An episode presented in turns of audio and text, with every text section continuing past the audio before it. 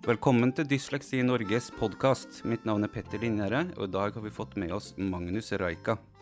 En 22 år gammel student fra Grefsen i Oslo, eh, som akkurat er ferdig med sin bachelor i psykologi.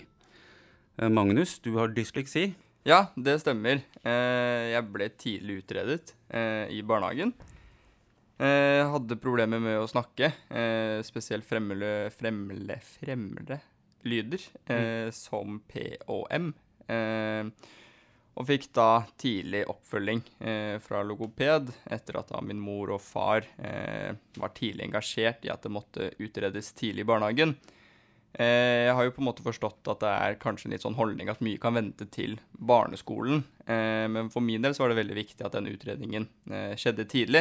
Sånn at jeg begynte tidlig å jobbe med det jeg slet med, da. Mhm. Eh, Så da fikk jeg en veldig god logoped eh, som hjalp meg gjennom barnehagen eh, med mye oppgaver.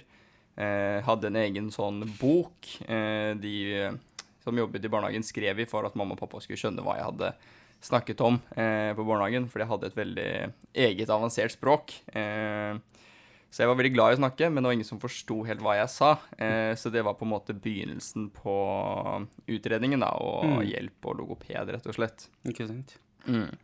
Eh, og så begynte jeg da på barneskolen. Eh, fortsatte, eller hadde mye av de samme vanskene. Eh, fikk da diagnosen dysleksi eh, og en slags eh, alvorlig eh, type, da, der det var mye problemer og både med skriftlig og forståelsen av å lese.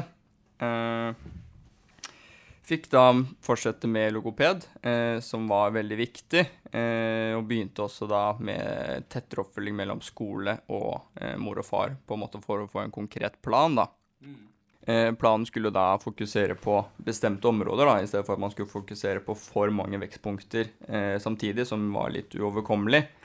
Eh, så det var veldig viktig på en måte å få en tidlig dialog der eh, mellom lærer, skole og da meg og mor og far, eh, og på en måte få kartlagt de bestemte områdene jeg skulle jobbe med innenfor visse perioder.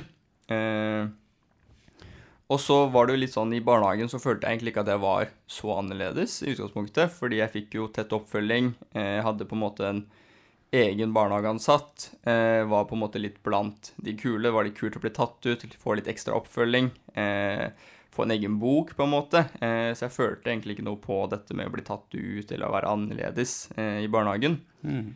Eh, og så når jeg da begynte på barneskolen, eh, i første og andre klasse, så ble, begynte vi å bli tatt ut i grupper, eh, og fikk da undervisning i mindre grupperom. Eh, det som var litt utfordrende for meg i den perioden, var at det var mange som hadde ulike lærevansker, som på en måte ble eh, kasta litt sammen. Eh, og det er jo eh, enkelte lærevansker som ikke passer så godt sammen. Eh, Dette med annet med å konsentrere seg er vanskelig for noen, og for noen andre så er det veldig avgjørende å ha den konsentrasjonen. Eh, og det var noe jeg følte på var ganske utfordrende, da, rett og slett. Eh, og da følte jeg også litt på dette med å bli tatt ut fra på en måte fellesskapet, eh, og bli tatt ut på et grupperom.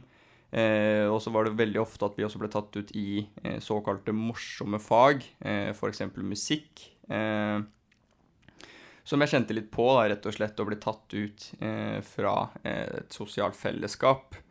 Så da følte jeg litt på dette med å være litt annerledes. Eh, og så var jeg eh, en gang i tiden en ganske grei fotballspiller, eh, så jeg følte jeg fikk mye mestringsfølelse eh, på da andre arenaer, som på en måte kanskje kompenserte litt da, for eh, den følelsen av å bli tatt ut eh, i grupper, rett og slett. Eh, og så var det jo egentlig Jeg følte jo egentlig på at når jeg var i disse gruppene, at jeg Det var ganske stor forskjell i eh, kompetansenivå, rett og slett, mellom vi som var der. Eh, og det er jo litt av det som er utfordringen når man samler eh, veldig mange ulike individer med ulike bakgrunner og kompetansenivå inn i én samlegruppe. Eh, og jeg følte egentlig ikke at jeg fikk så mye ut av eh, disse gruppeinteraksjonene. Ikke sant? Det er vanskelig å tilrettelegge der. Ja, veldig. Eh, så da fikk jeg en avtale med eh, da, norsklærer og skolen med at jeg fikk på de samme oppgavene vi skulle gjøre i grupperom, men fikk gjøre det hjemme. Mm. Eh, så da ble jeg ikke tatt ut i like stor grad, og fikk på en måte vært litt mer med i klassen, da. Eh, og det er noe jeg føler egentlig var ganske viktig, eh, og et ganske godt grep, fordi jeg fikk jobbet med mye av det samme. Eh, selvsagt ikke så gøy eh, å skulle sette seg ned etter en lang skole hver dag eh, og på en måte gå gjennom mer lekser. Det er kanskje ikke det som er eh, mest interessant, eh, men da på en måte fikk man vært med litt mer eh, i skolehverdagen, da, som jeg følte var veldig viktig. og så egentlig litt sånn gjennom barneskolen så var det på en måte mye av det samme. Jeg syns ikke norsk var så gøy. mye Eneste rådet var på en måte lese mye.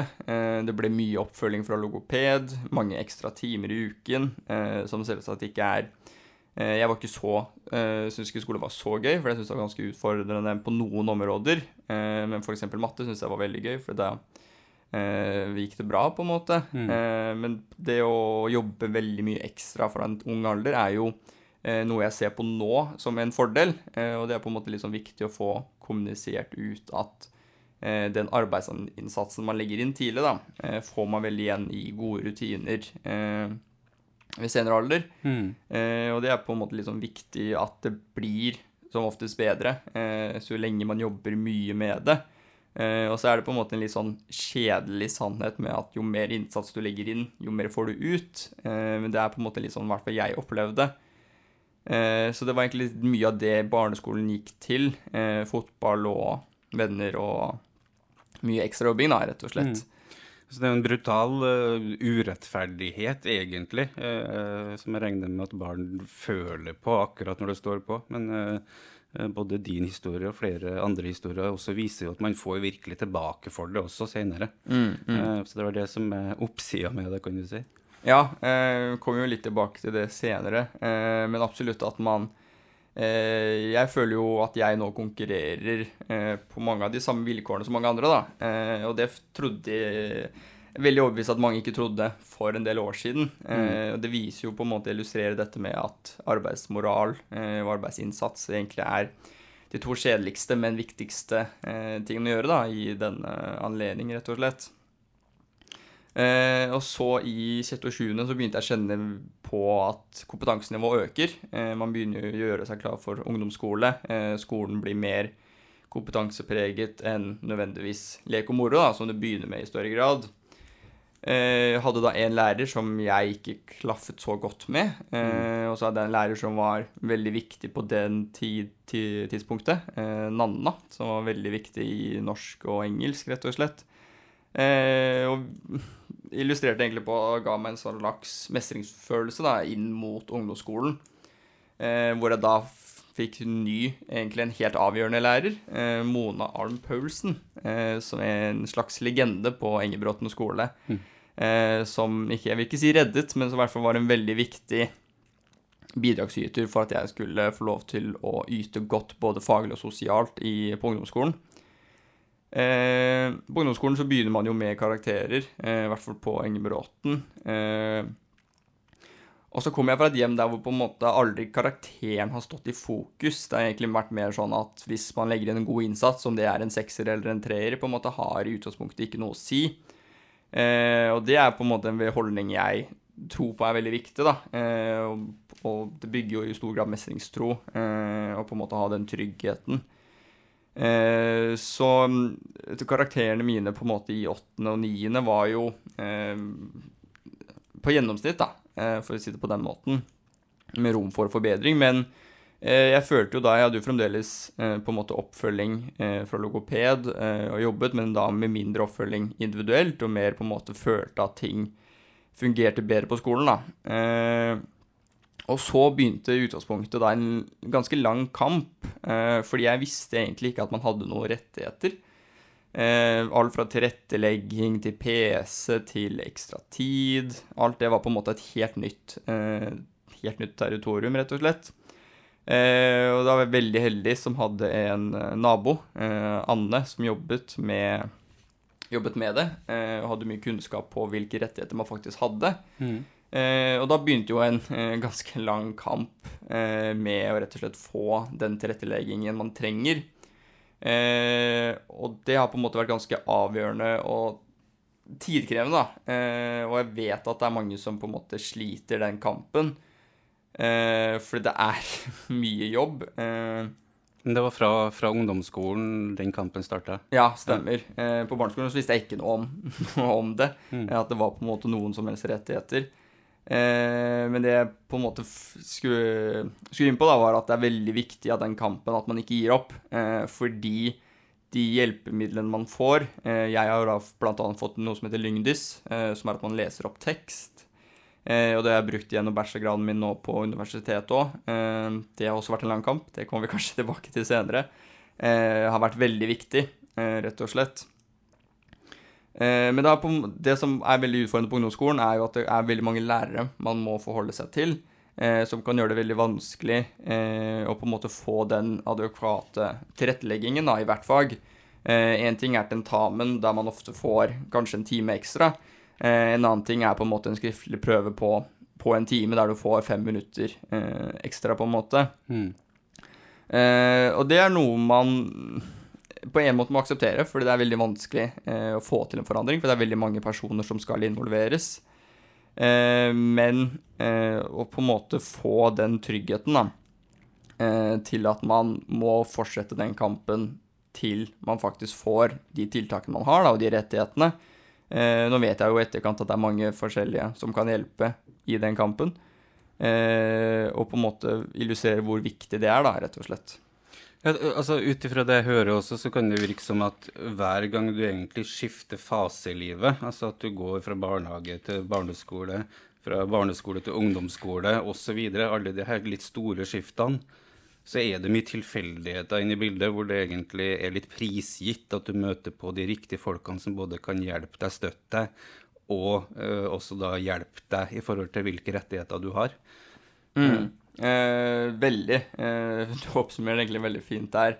Eh, og det er på en måte litt av den eh, faresignalene da, jeg føler jeg ser litt i det utdanningsmiljøet. At det er veldig individuelt. Har du en god lærer, eh, så kan det være ganske avgjørende.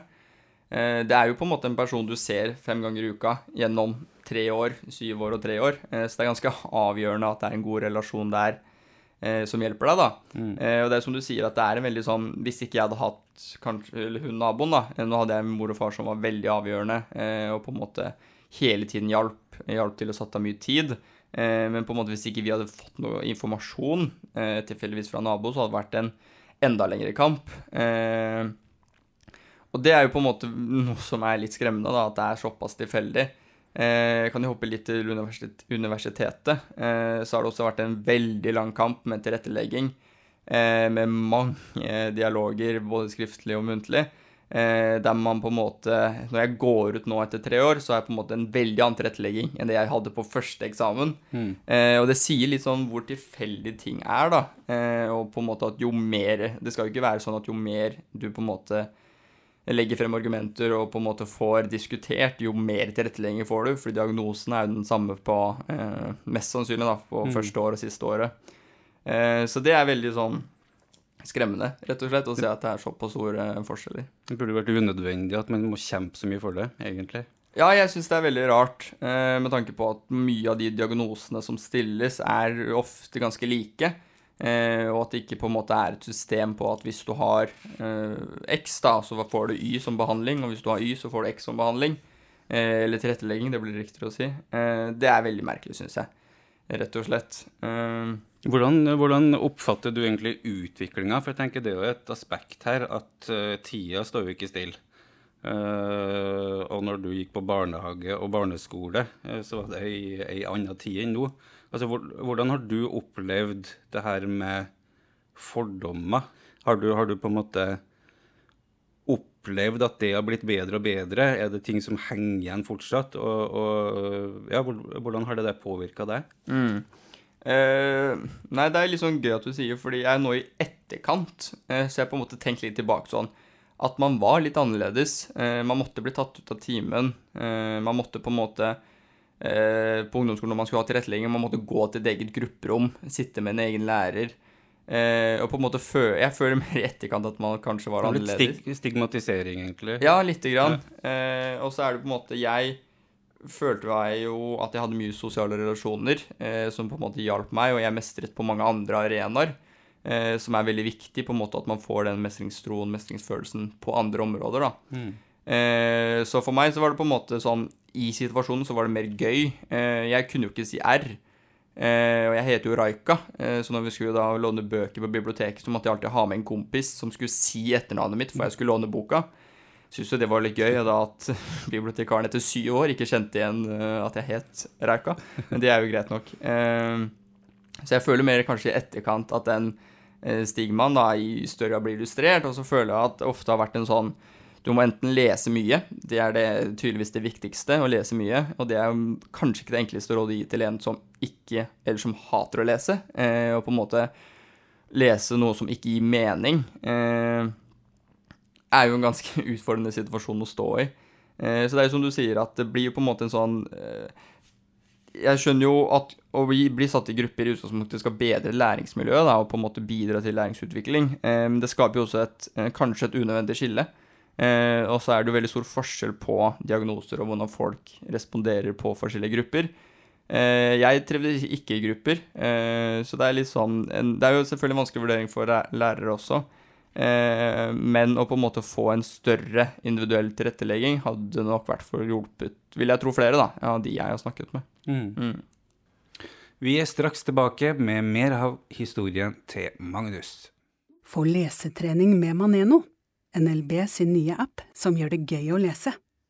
Maneno er en gratis leseapp for NLB-lånere i alderen 8 til 12 år med dysleksi eller andre lesevansker.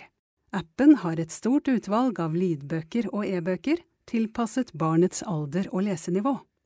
Kombinasjonen av lesestøtte og spillelementer gir mestringsfølelse og økt motivasjon. I Maneno får barnet en egen drage å passe på, og jo mer barnet leser, jo mer vokser dragen. Utfordringer og belønninger gjør det morsomt å lese, samtidig som appen gir pedagogisk støtte, med mulighet for linjefokus og hjelp til å lese vanskelige ord. Barnet kan også ta opptak av sin egen høytlesning. For å kunne bruke appen må du være låner hos NLB. Men alle som har dysleksi eller andre lesevansker, kan melde seg inn i biblioteket og velge blant tusenvis av lydbøker. Besøk nlb.no for mer informasjon og innmelding.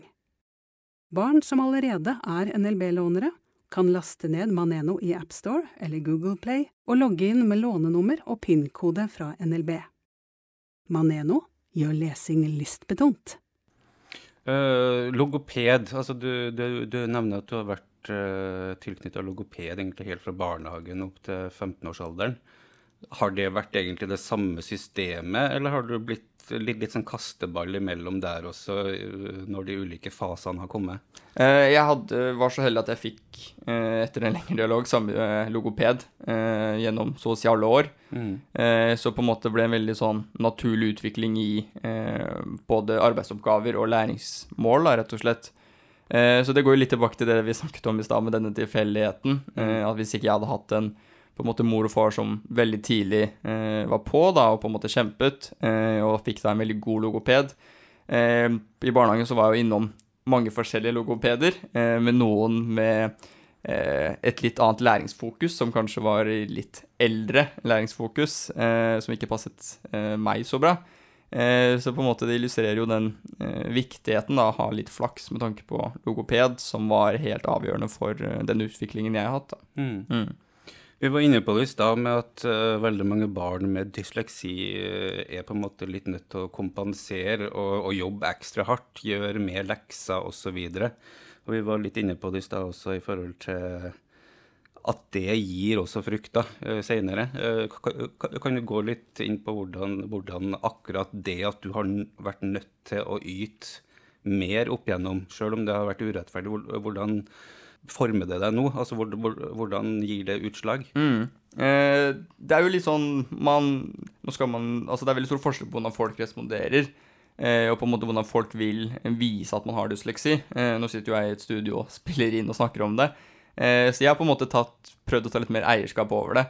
Når jeg søker jobber, så pleier jeg å skrive i søknadsteksten at pga. dysleksien så er jeg vant til å jobbe veldig hardt, eh, og på en måte ser det som mer en styrke enn en ulempe innenfor mange, veldig mange jobber. Mm. Eh, kanskje ikke korrektur er min største, største drømmejobb, eh, men på en måte den arbeidsinnsatsen man veldig tidlig har lagt ned, da, har på en måte skapt veldig gode rutiner. og jeg ser jo nå på det som en fordel. Eh, nå har jeg jo fått mange jobber eh, i en tidlig alder som på en måte illustrerer at det kanskje funker med dysleksi. At det er en veldig annerledes måte å selge seg inn på. Eh, ved 2000-3000 søkere så er det litt annerledes ting som må til, da, rett og slett. Eh, og da på en måte ta eierskap over dysleksien og se fordelene med dysleksi framfor ulempene. Eh, har i hvert fall gitt meg eh, et konkurransefortrinn, føler jeg, innenfor flere, flere områder, da. Mm. Eh, og så er det jo ikke til å stikke under stol at man kan jo synes det er litt flaut uh, å si at man har dysleksi. Uh, spesielt når man skal søke film på Netflix, så har jo Netflix uh, en sånn søkefunksjon der alle bokstavene står på en rekke, så det er jo klin umulig ja, ja. å se hvilke bokstav som er Det har jeg ikke tenkt over. Ja, det er, ja, jeg skal ikke bane her, men det er jo veldig utfordrende. Så sånn, men da er det jo litt sånn, da prøver jeg jo heller skape en litt sånn morsom situasjon utover det. Men jeg kan jo veldig godt forstå at det kan være utfordrende for andre. Og det kommer nok mye tilbake til dette med mestringstro og mestringsfølelse. Eh, og at jeg på en måte fikk det i en tidlig alder innenfor andre arenaer, da. Mm. Eh, men litt tilbake til det der vi begynte, så er det på en måte den, det kjedelige svaret som er veldig demotiverende å høre på en måte når du er seks-syv år, at det er ekstremt mye jobb eh, som skal til. Eh, og jeg husker selv at hvis jeg da hadde vært seks-syv og hørt dette her, så hadde jeg kanskje ikke vært veldig motivert. Eh, men det er ekstremt viktig eh, å ikke gi opp, eh, fordi den innsatsen du legger inn, får du faktisk igjen. Og på en måte til 10. klasse så har du ni år der utgangspunktet du bare skal lære deg gode rutiner og på en måte danne et grunnlag for læring. Og hvis du på en måte tidlig må jobbe resten, mer enn resten, så skaper du deg veldig gode læringsrutiner eh, og jobbrutiner som jeg garanterer at du kommer til å få bruk for.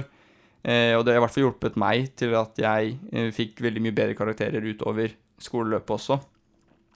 Eh, så ja, et litt langt svar, men eh, Ja, ja. viktigheten av å jobbe, rett og slett.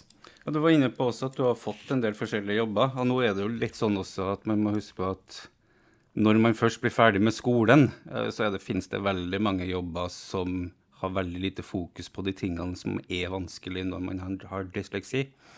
Eh, Så det finnes jo plenty muligheter. Eh, Men jeg tenker sånn i forhold til deg, da. Du, altså, vi nevnte innledningsvis her at du akkurat nå har fullført en bachelor i psykologi. Og det første jeg tenker på da, er jo engelske fagtekster, eh, som er ganske kompleks. Altså, hvordan har det her gått for deg? Nei, eh, jeg gikk jo rett fra videregående over til en bachelor i psykologi. eh, Og det er jo, jeg visste ikke at det var alt på engelsk. Eh, Det skal jeg være ærlig på. at Hvis jeg hadde visst at hver eneste fagtekst og fagbok var på engelsk, så hadde jeg nok kanskje revurdert det. Men det kommer jo litt tilbake til det med å på en måte bygge seg opp en arbeidsmoral. da. At jeg tenkte at jeg Det kommer til å gå. Det må egentlig bare jobbes med. Men jeg skal ikke sitte her og si at det første halvåret alt på engelsk og ni-ti eksamener ikke var på en måte utfordrende. Eh, og da i tillegg en slags kamp med universitetet eh, for å få tilretteleggingen eh, var på en ganske slitsomt nivå. Eh, det begynte jo med at de mistet min eksamensbesvarelse eh, fordi jeg leverte eh, ti minutter senere enn resten, så da fanget ikke systemet opp. Eh, Så det var ikke så gøy da å lese og skulle ta eksamen på nytt, fordi de glemte min tekst. Eh, Ikke det morsomste som har skjedd. Eh, Men det er jo på en måte jeg skal, eh, Det var tre tøffe år på en måte med engelsk, eh, men sitter nå med da en bachelorgrad med gode karakterer eh, og jobb. Eh, Så det blir jo litt dette med å illustrere viktigheten av å jobbe. Eh, at når man da kommer i et ukjent miljø, i et ukjent fagmiljø med engelske begreper, så er man på en måte, har man den tryggheten til at hvis man legger inn den arbeidsinnsatsen, så kommer det til å gå bra. Eh, og så er det ikke kjempegøy å stå opp klokka sju, halv seks, seks hver dag og lese. Det er, for, for, forstår jeg fullt, eh, det er fullt forståelig. Eh, men det er på en måte det som må til da, når man har fått eller har en diagnose, at man må legge inn den innsatsen. Eh, og så er det på en måte noen ganger så skulle man ønske at man kunne sove til klokka 11, eh, og ikke stå opp tidlig og på en måte lese det samme og gjøre det like bra. Eh, men så er det sånn når man begynner i arbeidslivet, så har man på en måte da allerede erfart dette med å stå opp tidlig, med å jobbe hardt. Eh, og da er det på en måte ikke like stort problem, da, fordi man er vant til mye av det samme. Eh, og når man da, innenfor, som du sier også, innenfor mange jobber, så har jo ikke dette med dysleksi så stor grad eh, en påvirkning. Eh, og da kan jeg love deg at hvis når dere allerede har fått inn de gode arbeidsrutinene, eh, at du kommer til å gjøre det veldig bra innenfor veldig mange jobber, rett og slett. Ikke sant. Jeg, te jeg tenker jo også at alle trenger jo ikke være like ambisiøse som deg. Mm. Eh, men du viser jo at også ambisjon går an å kombinere med, med, med dysleksi. Uh, så det er jo veldig greit å se at, at, at det er mulig, og at man da egentlig litt sånn fra situasjonens side blir tildelt uh, rutiner som på en måte hjelper deg uh, til å kunne oppnå det du ønsker senere. Mm. Uh, og så er jo jeg en person som liker rutiner veldig godt. så det kan være på en måte at det var det som funket for meg, var på en måte å skape rutiner tidlig. men så er det jo, som du også sier, at det er jo veldig stor forskjell på folk. så på en måte det som funket for meg, så er det ikke sikkert det funket for andre. Eh, så det er på en måte veldig viktig at man tidlig prøver å få en dialog, da, tror jeg, eh, med faglærer innenfor forskjellige skoler, universitet, eh, og på en måte prøver å få forklart situasjonen da, så godt som mulig, og på en måte få en plan. og så er det viktig dette med at man har mange rettigheter, og at man på en måte må stå på, fordi den skreddersydde planen da, kan være veldig avgjørende på om man har lyst til å gå på skolen, eller om man ikke har lyst til å gå. Eh, og det er noe på en måte som eh, man har rettighetene, rettighetene til å få. Mm. Eh, så det er på en måte veldig viktig å ikke gi opp i den kampen. Eh, vi har jo hjulpet mange andre bekjente, eh, og kjenner mye av det samme. Denne frustrasjonen over ikke å bli hørt, frustrasjonen over 100 forskjellige samtaler, og så går læreren ut i permisjon, og så er det på en måte akkurat det samme på, på nytt. nytt ja. ja. ikke sant. Og det er på en måte litt kjedelig svar, men det er på en måte bare å fortsette den kampen fordi eh, Sånn som på universitetet, da, så gikk jeg fra 10 minutter ekstra tid til 45 minutter. Eh, gjennom å bare klage og på en måte vise situasjonen. Eh, og når på en måte ekstratiden gikk opp, så gikk karakterene også opp. Mm. Eh, Hvordan er det der? Altså, har du nå kjempa en individuell kamp om dine individuelle, individuelle rettigheter? Eller har du på en måte gjort noe en forbedring på de skolene du har gått, sånn at de som kommer med dysleksi etter deg, starter der du slutta, i hvert fall, i kampen? Mm. Uh, vet du hvordan det der fungerer? Altså, jeg har jo et håp, da, eh, om at man eh, Vi har jo gått litt uortodokse veier for å få det til, på en måte. Jeg tror mange skoler og sånt der de på en måte har gitt et tilbud, og mange har sagt ja, så har på en måte vi sagt nei og fortsatt kampen. Mm. Eh, så jeg håper jo at det har hjulpet.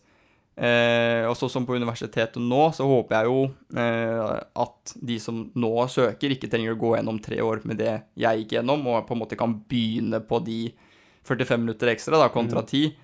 Eh, men det vet jeg ikke. Men det er jo noe jeg håper, da, at man på en måte skaper, eh, skaper forandring. Uh, og så er det jo, som vi diskuterte tidligere, at det er veldig rart, syns jeg, at uh, Jeg gikk jo på UiO, da, som er Norges største, klart største universitet.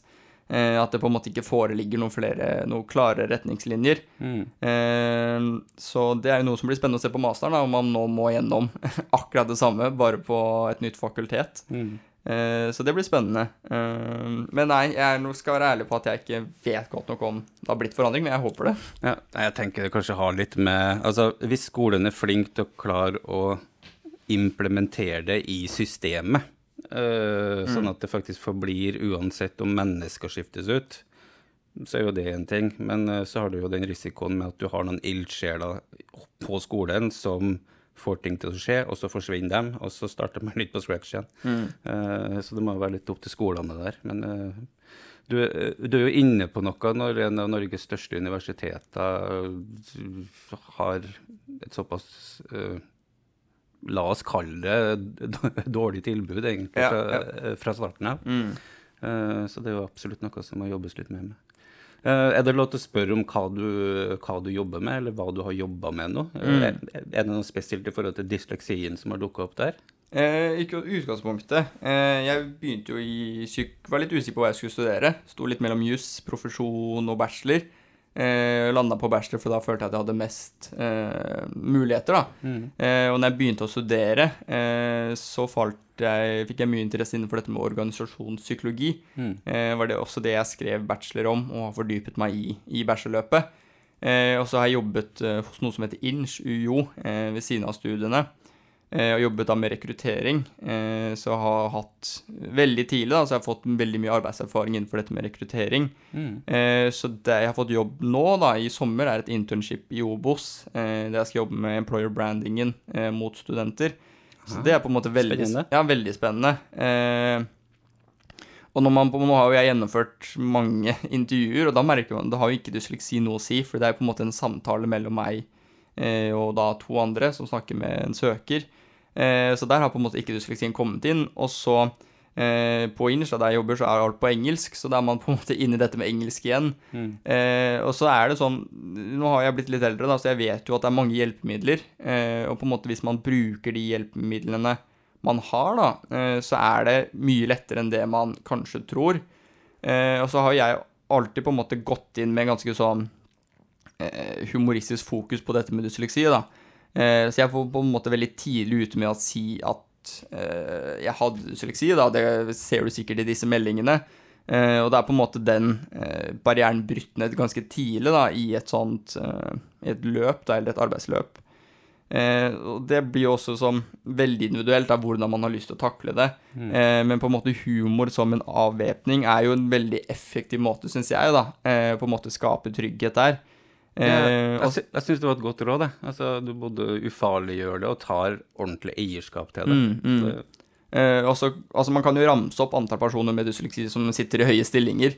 Eh, statsministeren har vel dysleksi, mm. som er et ganske kjent eksempel.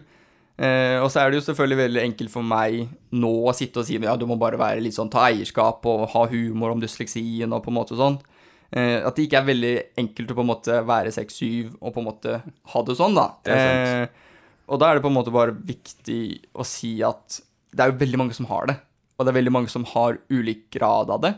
Eh, og det er på en måte ikke noe å skamme seg for. Og det er veldig unaturlig at det er noe man skal skamme seg for, for det er ikke noe man kan på en måte påvirke. Det er noe man er i stor grad er født med. Eh, så det er på en måte sånn Det er kanskje noe av det mer naturlige innenfor lærevansker. Eh, og det er på en måte dette med å prøve i hvert fall å ta eierskap.